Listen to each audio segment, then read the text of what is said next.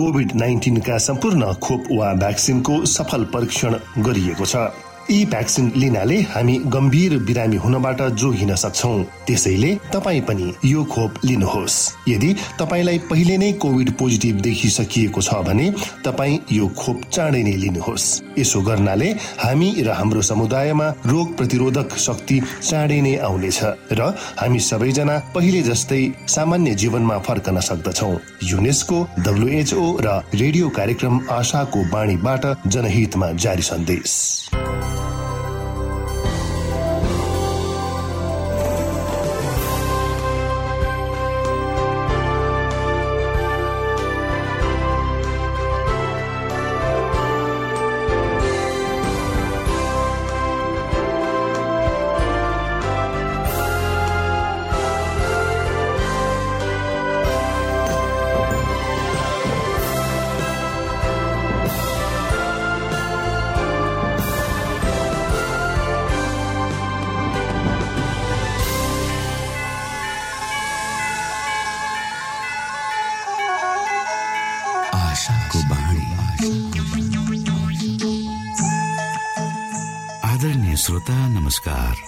समय तपाईँ Adventist world रेडियोको प्रस्तुति भोइस अफ होप आशाको बाणी कार्यक्रम सुन्दै हुनुहुन्छ।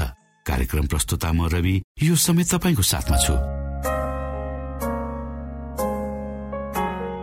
मानिस जातिमा देखाइएको परमेश्वरको प्रेम र अनुग्रह तपाईँसँग बाँड्ने उद्देश्यले प्रस्तुत कार्यक्रम तपाईँको आफ्नो प्रिय कार्यक्रम आशाको बाणीमा यहाँलाई हामी न्यानो स्वागत गर्दछौँ। आशाको बाणीको आजको प्रस्तुतिबाट पनि तपाईँले परमेश्वरसँग नजिक रहेको अनुभूति गर्नुहुनेछ भनेर हामी आशा राख्दछौ।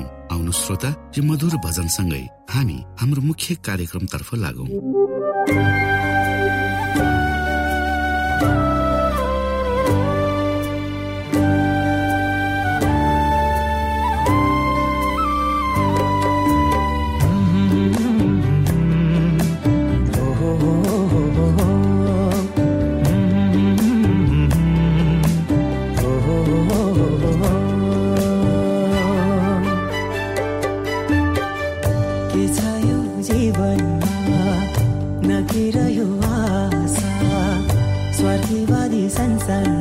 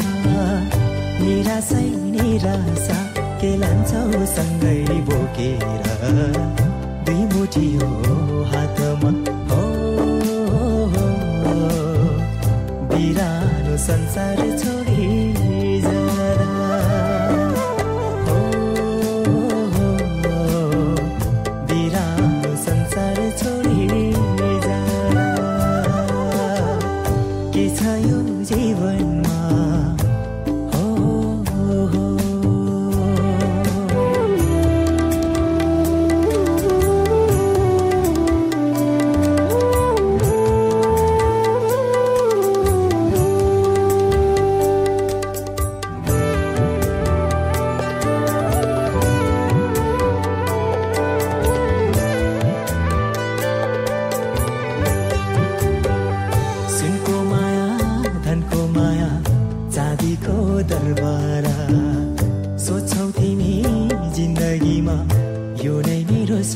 नासुने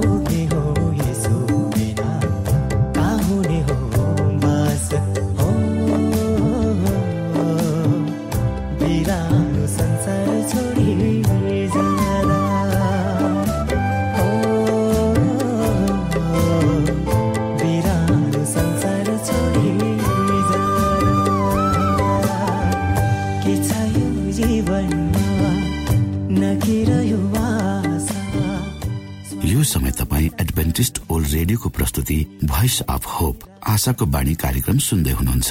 श्रोता मित्र यो समय हामी पास्टर उमेश पोखरेलबाट आजको बाइबल सन्देश सुन्नेछौ। श्रोता साथी न्यानो अभिवादन साथ म तपाईँको आफ्नै आफन्त अर्थात् पास्टर उमेश पोखरेल परमेश्वरको वचन लिएर यो रेडियो कार्यक्रम मार्फत पुनः तपाईँहरूको बीचमा उपस्थित भएको छु। श्रोता मलाई आशा छ तपाईँले हाम्रा कार्यक्रमहरूलाई नियमित रूपमा सुन्दै हुनुहुन्छ र परमेश्वरका प्रशस्त आशिषहरू प्राप्त गर्दै हुनुहुन्छ। आजको प्रस्तुतिलाई पस्कनुभन्दा पहिले आउनुहोस् हामी परमेश्वरमा अगुवाईको लागि बिन्ती राख्नेछौँ। जीवी जिउँदो महान दयालु परमेश्वर प्रभु हामी धन्यवादी छौँ यो जीवन र यो जीवनमा दिनुभएका प्रशस्त आशिषहरूको लागि। प्रभु यो रेडियो कार्यक्रमलाई म तपाईँको चरणमा राख्दछु। यसलाई तपाईँको राज्य र महिमाको प्रचारको खातिर तपाईँले प्रयोग गर्नुहोस् ताकि धेरै मानिसहरूले यो कार्यक्रम मार्फत तपाईँलाई चिन्न सक्नु सकुन् र तपाईँको राज्यमा आउन्। सबै बिन्ती प्रभु यीशुको नाम। आमेन।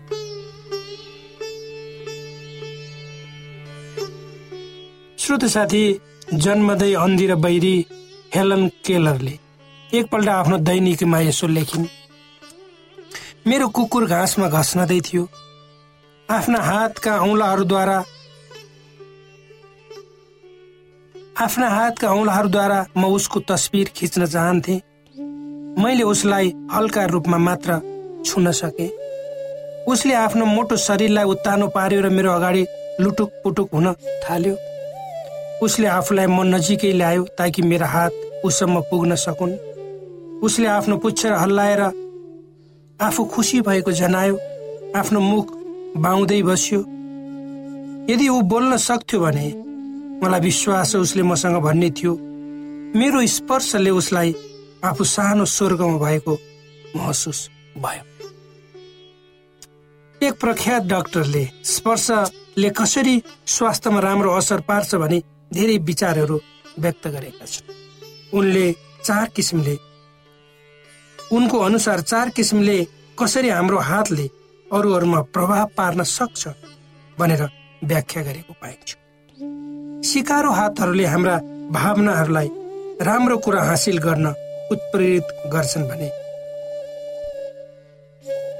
एक प्रख्यात डाक्टरले स्पर्शले कसरी स्वास्थ्यमा राम्रो असर पार्छ भने धेरै विचारहरू व्यक्त गरेका छन्। उनको विचारमा सिकारु हातहरूले हाम्रा भावनाहरूलाई राम्रो कुरा हासिल गर्नतर्फ उत्प्रेरित गर्छन् भने खराब वा बिग्रिएका हातले मानिसमा भावनात्मक समस्या उत्पन्न गराउँछ।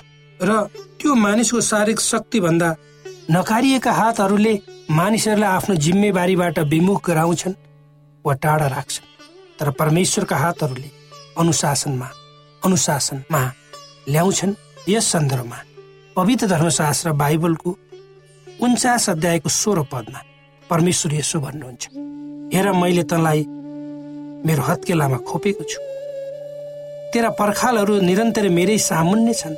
त परमेश्वरले कसरी तपाईँ र मलाई छोड्नुहुन्छ त? यो प्रश्न तपाईँ हामी लागि। अर्थात् परमेश्वरलाई थाहा छ तपाईँ हाम्रो नाम उहाँले हाम्रो नामलाई आफ्नो हत्केलामा लेख्नु भएको छ। र हाम्रा पर्खालहरू अर्थात् हाम्रा समस्याहरू अप्ठ्याराहरू पनि परमेश्वरलाई थाहा छ। तसर्थ परमेश्वरले तपाईँ र मलाई कहिले पनि बिर्सिनु। हो। कानुनी प्रावधान अनुसार धेरै मानिसहरूको व्यवहारलाई बन्देज लगाइएको छ जसले सबै किसिमका शारीरिक स्पर्शहरूलाई सहज स्वीकार नगरेको अवस्था। मानिसहरूले आफ्ना भावनात्मक नजिकपनलाई कसरी व्यक्त गर्ने? त्यो एउटा समस्याको रूपमा खडा भएको छ। जसलाई मानिसहरूले व्यक्त गर्न सकेका छैन। र यदि स्वच्छ भावनाले प्रेरित भएर मानिसले कसैलाई अङ्कमाल गर्छ भने त्यसलाई हेर्ने दृष्टिकोणमा कसरी सुधार ल्याउनु पर्छ सोच्नुपर्ने विषय। आज हाम्रो समाज जुन किसिमको छ त्यसमा विपरीत लिङ्गहरू बीचको स्पर्श वा भावनात्मक सम्बन्धको प्रस्तुतिलाई अङ्कमाल र चुम्बन जस्ता कुराहरूलाई राम्रो माने आजको युगमा बाँचेका मानिसहरू छालाको भोक वा कसैले आफूलाई छोइदिन्छ कि भन्ने भावनालाई भित्र मनमा लिएर बाँचेका हुन्छ यद्यपि त्यसलाई बोलीद्वारा व्यक्त गर्न सक्दैन। यो बिर्सिनु हुँदैन कि हाम्रै समाजमा केटाकेटीले हात मिलाउँदा समय ठुलो झगडा हुने गरेको छ। र अँगालो मार्नु त टाढाकै कुरो त्यसै गरी कसैको काँधमा हात राख्नुले पनि तपाईँ उक्त व्यक्तिप्रति चासो राख्नुहुन्छ भन्ने कुरा बुझिन्छ। अर्थात् यी सबै कुराहरू स्पर्शले मानिसलाई नजिक बनाउँछ। विशेष गरी तपाईँ आफ्नो स्वस्थ वैवाहिक जीवन चाहनुहुन्छ भने तपाईँ र तपाईँको पार्टनर बिच शारीरिक स्पर्श हुनै पर्छ। अँगालो मार्नु छुनु किनकि जति तपाईँ आफ्नो पार्टनरसँग नजिक हुनुहुन्छ त्यति नै तपाईँको भावनात्मक सम्बन्ध पनि डराउँछ कतिपय विवाहित पुरुषहरू आफ्ना श्रीमा श्रीमतीहरूलाई छोडेर परदेश जान्छन् कमाउन धेरै वर्ष आउँदैनन् घर। त्यसै गरी महिलाहरू पनि आफ्ना श्रीमानहरूलाई छोडेर बाहिर गएका छन्। जे भए पनि चाहे पुरुष वा महिला किन नहो जति टाढा यिनीहरू आफ्नो श्रीमान र श्रीमतीसँग बस्छन् त्यति नै यिनीहरू यिनीहरूको सम्बन्ध कमजोर भएको एक अनुसन्धानले देखाएको छ। त्यसको प्रतिफल पार पाचुके झै झगडा धोका आदि हामी देखिरहेका छौँ र सुनिरहेका छौँ। यसै गरी यदि तपाईँका सन्तानहरू छन् भने उनीहरूसँग पनि तपाईँ नजिक रहनुपर्छ। स्वभावैले तपाईँ उनीहरू स्वभावैले तपाईँ उनीहरूलाई आफ्नो अङ्गालोमा बेर्न चुम्बन गर्न आतुर हुनुहुन्छ र गर्नुहुन्छ। र जति बेसी तपाईँका नानीहरू तपाईँको बात्सल्य रूपी स्पर्श पाउँछन् त्यति नै तिनीहरू भावनात्मक रूपमा स्वस्थ हुन्छन्। त्यसको शारीरिक एवं मानसिक रूपमा तपाईँका सन्तान स्वस्थ भएर बढ्छन्। आफ्ना बाबुआमाबाट पाउनु पर्ने माया ममता स्याहार एवं सुसार नपाएका सन्तानहरूमा भावना सन्तानहरूमा भविष्यमा गएर भावनात्मक समस्याहरू देखिएका हामी धेरै पाउँछौँ। मेरा दुई छोराहरू रिकेश रोजर। रिकेश बाह्र वर्षको र रोजर तिन वर्षको दुई छोराहरू। मसँग लुटपिटिन्छन् मेरो काखमा खेल्न मनपर्छ मन गर्छ। मेरो पिठीमा बसेर आनन्द मनाउँछन् अनि दुईजनै मसँग सुत्न मन बाहिर गए पनि सुत्न मन पराउँछन्। जब म केही दिनको निम्ति बाहिर गएँ भने दुई छोरा सुत्दै। एक ठुलो अनुसन्धानले पत्ता लगाए अनुसार प्रेमिलो स्पर्शको असल नतिजा हाम्रो सोचाइभन्दा धेरै माथि रहेको पाइएको छ। यो जनावरहरू र मानिसहरू दुवैमा लागू हुन्छ। एउटा अध्ययन अनुसार यदि तपाईँ आफ्ना हातहरूलाई क्रियाशील बनाउनुहुन्छ त्यति नै तपाईँको दिमाग पनि क्रियाशील हुन्छ भनेर भने स्पर्शले नसोचेको किसिमले मानिसमा यो भएको भावनात्मक तगारोहरूलाई हटाउँछ। अर्थात् हामीले आफ्नै अगाडि निर्माण गरेका ठुल्ठुला भावनात्मक पर्खालहरूलाई हटाउने काम एक सानो स्पर्शले गर्न सक्दछ। अर्थात् धेरै ठुल्ठुलो समस्याहरू छ त्यो हाम्रो हामी मान्छे बिचमा त्यो हामीले नि खडा गरेको समस्या छ। रिक इक आवेश र मान्छे मान्छे बिचमा त्यसले गर्दा ठुलो पर्खाल मान्छेहरू बिचमा ल्याएको छ। त्यो पर्खाललाई हटाउने एउटा सानो स्पर्शले मद्दत गर्न सक्छ। मानिसलाई जन्मेदेखि मृत्युसम्म स्पर्श चाहिन्छ। जसले उसलाई शारीरिक एवं मानसिक रूपमा बढ्नको निम्ति मद्दत गर्छ वास्तवमा भन्यो भने स्पर्श भनेको पहिलो चेतना हो मानिसको लागि जसलाई उसले आफ्नो आमाको गर्भमा हुँदादेखि नै अनुभूति गरेको हुन्छ। मेरो छोरो रिकेश र रोजर जब गर्भमा थिए अर्थात् आमाको पेटमा जब उनीहरू चार महिनाको भए तब म उनीहरूसँग कुरा गर्थे। कतिलाई आश्चर्य जब मैले मेरो श्रीमतीको पेट छुन्थे र बाबु भन्थे रिकेश चल बोलाउँथ्यो। रोजर पनि त्यसै गरी चल बोलाउ अनि जब उनीहरू जन्मने बेला भयो म उनीहरूका हातलाई बाहिरबाट स्पर्श गर्थे र ती साना हातहरू चल्थे भित्रबाट। त्यसैले पनि होला म मेरा दुइटै छोराहरूसँग धेरै नजिक छु। उनीहरू पनि मसँग त्यति नजिक छु प्रभु येसु जब यो संसारमा हुनुहुन्थ्यो उहाँले आफ्नो सेवाईको कामलाई दया सहानुभूति र चङ्गाई जस्ता कुराहरूद्वारा मानिसहरूको हृदयलाई प्रभु यीशु क्रिस्ट जब यो संसारमा हुनुहुन्थ्यो उहाँले आफ्नो सेवाकाईको कामलाई दया सहानुभूति र चङ्गाई जस्ता कुराहरूद्वारा मानिसहरूको हृदयलाई छुनु भयो। त्यसै सन्दर्भमा पवित्र धर्मशास्त्र बाइबलको प्रेरित चार अध्यायको तिस पद उहाँको विषयमा यसरी लेखिएको छ निको पार्नलाई उहाँले निको पार्नलाई तपाईँले आफ्ना बाहुले फैलाउनु हुँदा आफ्ना पवित्र सेवक येसुको नाउँद्वारा चिन्ह र आश्चर्य कामहरू। श्रोत साथी आज एउटा निर्णय गरौँ।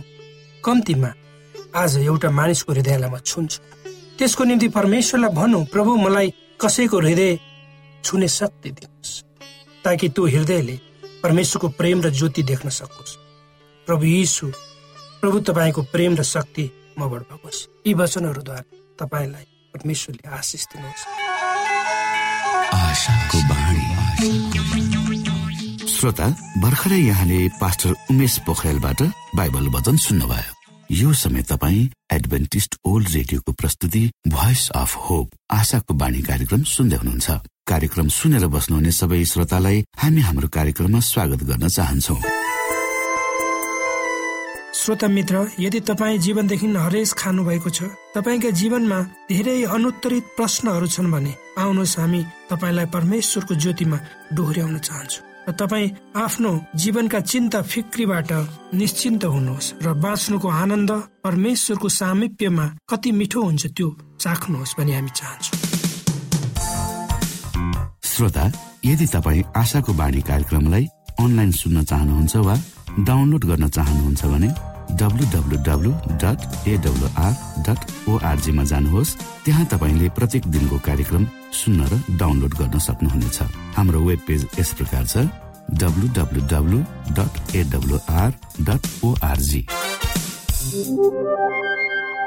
श्रोता यदि तपाईँ हामीसित सिधै फोनमा सम्पर्क गर्न चाहनुहुन्छ भने हाम्रा नम्बरहरू यस प्रकार छन्। अन्ठानब्बे एकसाठी पचपन्न शून्य एक सय बिस। अन्ठानब्बे एकसाठी पचपन्न शून्य एक सय बिस। र अर्को अन्ठानब्बे अठार त्रिपन्न पन्चानब्बे पचपन्न। अन्ठानब्बे अठार त्रिपन्न पन्चानब्बे पचपन्न। श्रोत साथी न्यानो अभिवादन। आज पनि तपाईँहरूको बिचमा म गवाईको सङ्गालो लिएर उपस्थित भएको छु जसको शीर्षक छ अनिच्छुक पछ्याई।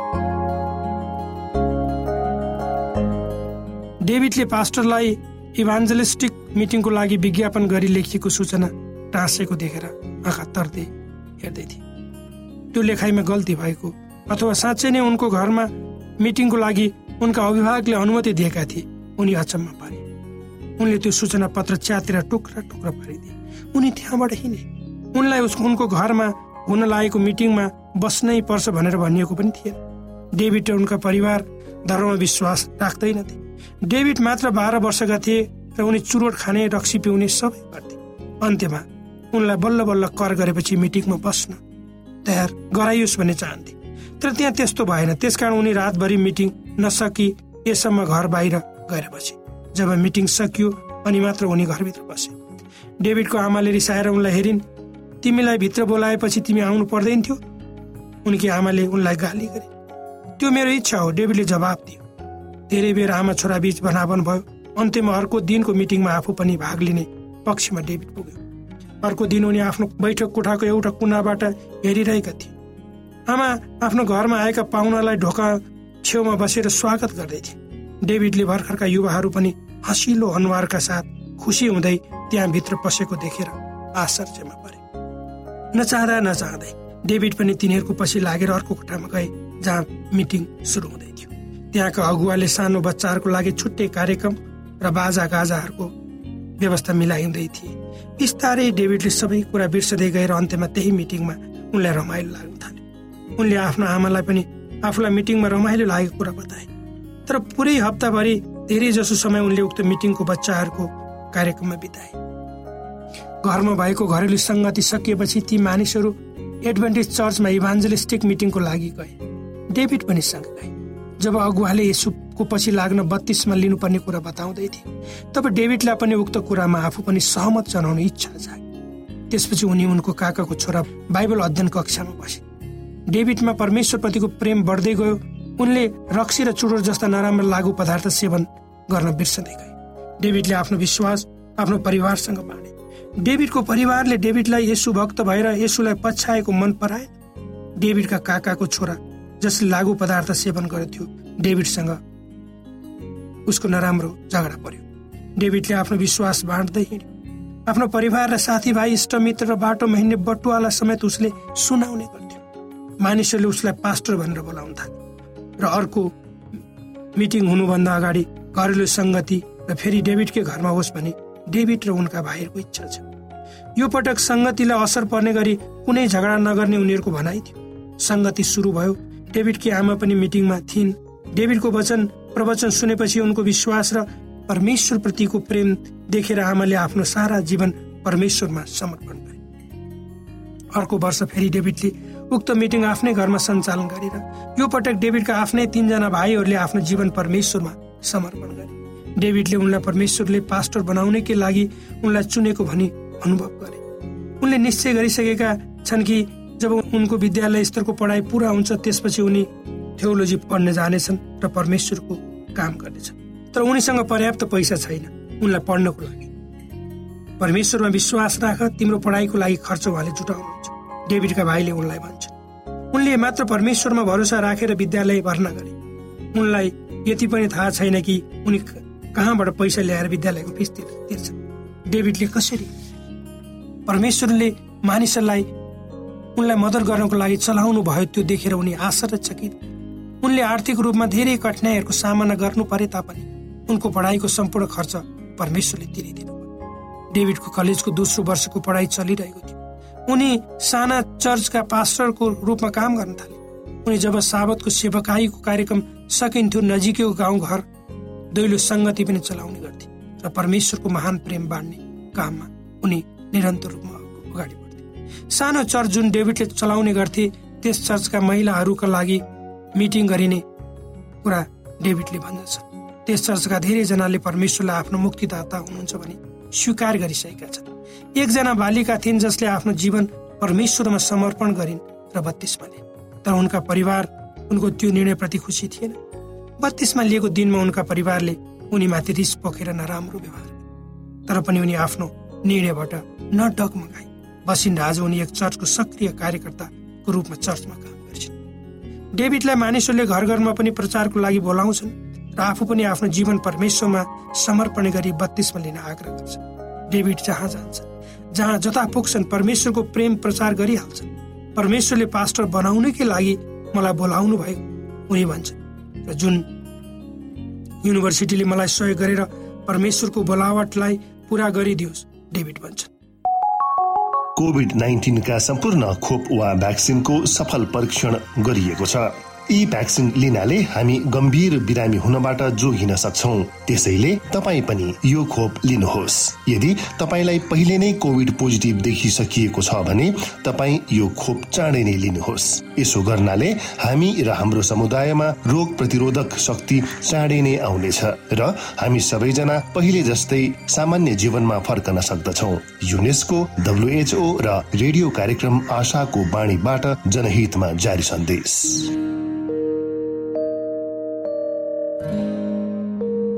आदरणीय मित्र बाइबलले बताएको छ परमेश्वरले तिर्खाकाहरूलाई तृप्त पार्नुहुन्छ र भोकालाई उत्तम पदार्थले सन्तुष्ट पार्नुहुन्छ। हामीलाई दिइएको यो छोटो समय आशाको बाणीको प्रस्तुतिको समयमा हामीले हाम्रा श्रोताको आत्मिक भोकलाई केही मात्रामा भए तापनि सही प्रकारको खुराक पस्केर आत्मिक सन्तुष्टि दिन सकेका छौँ केही ऊर्जा थप्न सकेका छौँ भनेर हामीले आशा राखेका छौँ। आफ्ना मनमा भएका केही दुविधा र शङ्काहरू छन् भने अवश्य हामीसँग बाँडेर शङ्काको निवारण गर्नुहुनेछ र सही प्रकारको बाटो पहिलाउन सक्नुहुनेछ परमेश्वरको सच्चाइले अझ राम्रो बुझ्न सक्नुहुनेछ र आफ्नो जीवनलाई परमेश्वरमा पूर्ण समर्पित भएर समर्पण सहितको जीवन बिताउन सक्नुहुनेछ भनेर आशा राख्दै अब हामी हाम्रो कार्यक्रम सकिएको जानकारी यहाँलाई गराउन चाहन्छौ। जानुभन्दा अगाडि श्रोता हामी यहाँलाई हाम्रो ठेगानाको विषयमा जानकारी गरौं। हामीसँग पत्राचार गर्ने हाम्रो ठेगाना यस प्रकार छ। आशाको बाणी पोस्ट बक्स नम्बर दुई शून्य शून्य शून्य दुई काठमाडौँ नेपाल। आशाको बाणी पोस्ट बक्स नम्बर दुई शून्य शून्य शून्य दुई काठमाडौँ नेपाल। यसै गरी श्रोता यदि तपाईँ हामीसँग सिधै कुराकानी गर्न चाहनुहुन्छ भने हाम्रो फोन नम्बर यस प्रकार छ। अन्ठानब्बे एकसाठी पचपन्न शून्य एक सय बिस। अन्ठानब्बे एकसाठी पचपन्न शून्य एक सय बिस र अर्को अन्ठानब्बे अठार त्रिपन्न पन्चानब्बे पचपन्न। अन्ठानब्बे अठार त्रिपन्न पन्चानब्बे पचपन्न। हामीलाई इमेल पनि गर्न सक्नुहुन्छ। हाम्रो इमेल एड्रेस यस प्रकार छ Nepal at AWR dot org Nepal at AWR dot org यदि तपाईँ हामीलाई अनलाइन सुन्न चाहनुहुन्छ वा डाउनलोड गर्न चाहनुहुन्छ भने तपाईँ डब्लु डट एडब्लुआर डट ओआरजीमा जानुहोस् र त्यहाँ तपाईँले हाम्रा सबै कार्यक्रमहरू सुन्न सक्नुहुनेछ। हाम्रो वेब पेज यस प्रकार छ W dot AWR dot org श्रोता यसमा गएर तपाईँले हाम्रा दैनिक कार्यक्रमलाई सुन्न सक्नुहुनेछ र डाउनलोड पनि गर्न सक्नुहुनेछ। हवस् त श्रोता हाम्रो कार्यक्रम सुनिदिनु भएकोमा एकचोटि फेरि यहाँलाई धन्यवाद दिँदै भोलि फेरि यही स्टेशन यही समयमा यहाँसँग भेट्ने आशा राख्दै प्राविधिक साथी राजेश पास्टर उमेश पोखरेल र कार्यक्रम प्रस्तुता म रवि यहाँसँग विदा माग्दछौ। परमेश्वरले तपाईँलाई धेरै धेरै आशिष दिनु भएको होस्। नमस्कार।